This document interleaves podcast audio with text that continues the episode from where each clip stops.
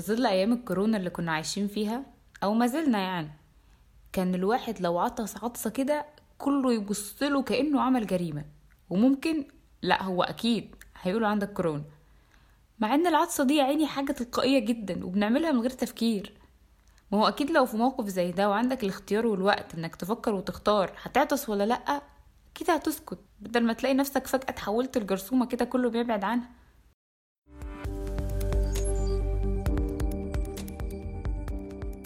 أهلا بيكم في حلقة جديدة من اللعب مع الدماغ. في حلقة من الحلقات اللي قبل كده قلنا إن الحاجة اللي بتتحكم فينا وفي تصرفاتنا هي المخ وإنه مركز التحكم الأول والأخير في الجسم. وقد إيه هو خارق ومعقد. لكن لو فكرنا شوية هنلاقي إنه مهما كان مسيطر فأكيد مش هعرف يتحكم في الجسم كله لمدة خمسين أو ستين سنة وكمان يفضل شغال بنفس كفاءته. وعشان كده ضروري يكون عنده فريق عمل يساعده ويشيل عنه شوية حاجات. المخ حرفيا مسؤول عن كل كبيرة وصغيرة إحنا بنعملها ونفكر فيها وحتى نحسها. آه المخ هو اللي بيحس مش القلب. ومن الحاجات اللي بيحتاج فيها المخ مساعدة. وهنتكلم عنها في حلقة النهاردة هي التصرفات التلقائية اللي بتطلع مننا من غير تفكير وتحليل. أولا كده أي أفعال بنعملها بتكون متقسمة لجزئين أساسيين. الأول هي الأفعال الإرادية. ودي الأفعال اللي بنفكر فيها ونحللها قبل ما نعملها. وبالتالي المخ هنا بيكون ليه دور في إنه يساعدنا في التفكير وإننا ناخد القرار هل نعمل أو ما نعملش. الجزء التاني هي الأفعال اللا إرادية ودي اللي بتحصل تلقائيا من غير ما نفكر فيها أو نحلل نتائجها. وبالتالي المخ مش بيتدخل في قرار إنها تحصل أو لأ عشان هي دايما بتحصل. طب إزاي بقى الكلام ده؟ علميا وببساطة إحنا جهازنا العصبي هو المتحكم في حركة جسمنا كله. واللي متحكم في جهازنا العصبي هو المخ بس مش لوحده بيكون معاه الحبل الشوكي اللي في ظهرنا. طبعا كله بيكون متصل ببعضه عن طريق الأعصاب. ولو جينا نبص على الخطوات اللي بتحصل عشان ناخد رد فعل أو نتصرف تصرف معين هنلاقيها كالآتي. أول حاجة إشارة عصبية تتنقل من عضلة معينة أو من عضو معين في جسمك تروح بين الخلايا العصبية لحد ما توصل للمخ أو للحبل الشوكي.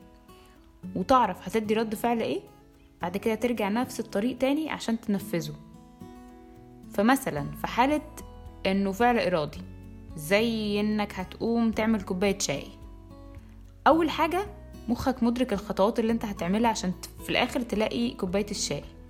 فيدي إشارات لعضلاتك إن هي تتحرك ويبدأ يحلل الموقف ويشغل الذاكرة عشان تفتكر حطيت الشاي والسكر فين وإنك لازم تغلي شوية مية الأول وهكذا. لحد ما تعمل كوباية الشاي بنجاح. وبالمناسبة كل ده بيحصل في ثانية لدرجة إنك ما خدتش بالك إنه حصل أصلا. أنت بتلاقي نفسك بتتصرف على طول. طب المثال التاني في حالة إن هو هيكون فعل لا إرادي. المية خلاص غلت وأنت رايح تصبها وخلصت كوباية الشاي ولسه بتمسكها عشان تطلع بيها البلكونة لقيتها سخنة فتلقائيا سبتها بسرعة من إيدك. وفكرت إنه لازم تمسكها بحاجة أو تسيبها تبرد لحد ما تعرف تمسكها. كل ده حصل في جزء من الثانية ولو كان أبطأ شوية كان ممكن تحرق إيدك. طب إيه الفرق بين المثالين؟ وليه الفعل اللا إرادي كان أسرع من الإرادي؟ في الفعل الإرادي زي ما قلت من شوية مخك اتدخل في الموضوع وده معناه إن الإشارات العصبية رايحة من المخ للعضلات وراجعة نفس الطريق. طبعا حركة نقل الإشارات من عصب لعصب تاني دي حركة سريعة جدا بس مش سريعة كفاية لو أنت محتاج رد فعل تلقائي. عشان كده في المثال التاني المخ مش بيتدخل لأنه مش لسه بقى الإشارات تروح للمخ ويقول لها تعمل إيه وترجع تاني للعضلات ولفة طويلة أنت في غنى عنها.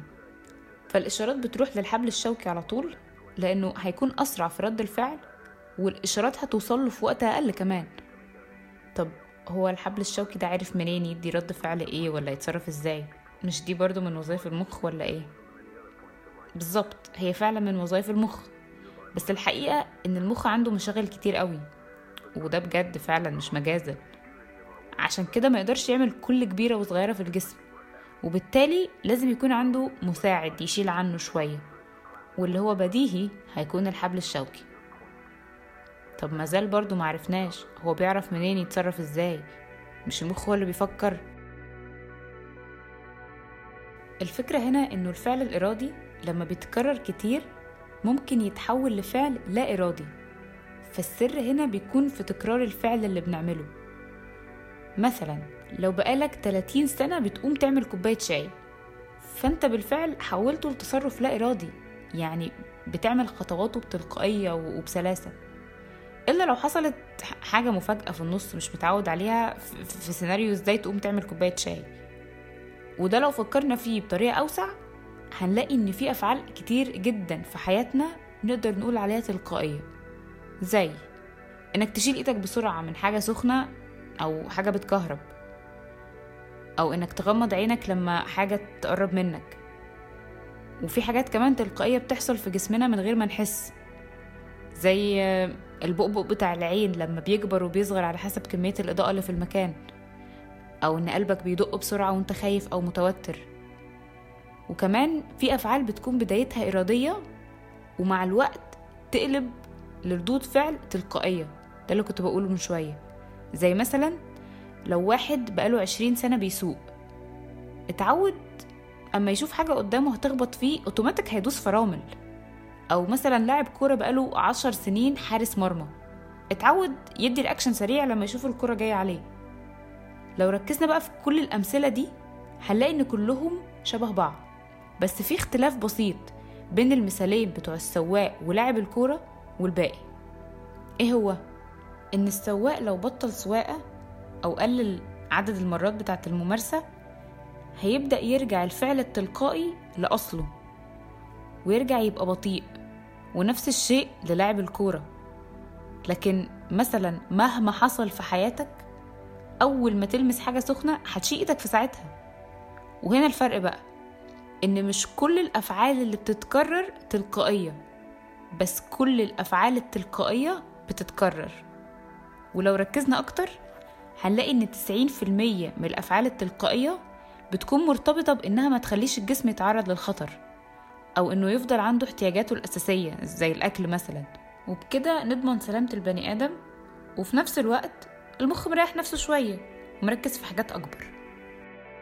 خليني بقى أقفل الحلقة بمقولة مشهورة بتقول practice makes perfect اللي قال المقولة دي بيفهم بيولوجي عشان فعلا كتر الممارسة والتدريب بيخليك أحسن وتدي رد فعل أسرع.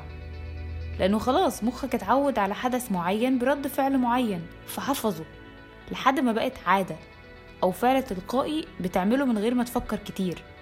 وزي ما قلت برضو كل فعل في الآخر بيرجع لأصله.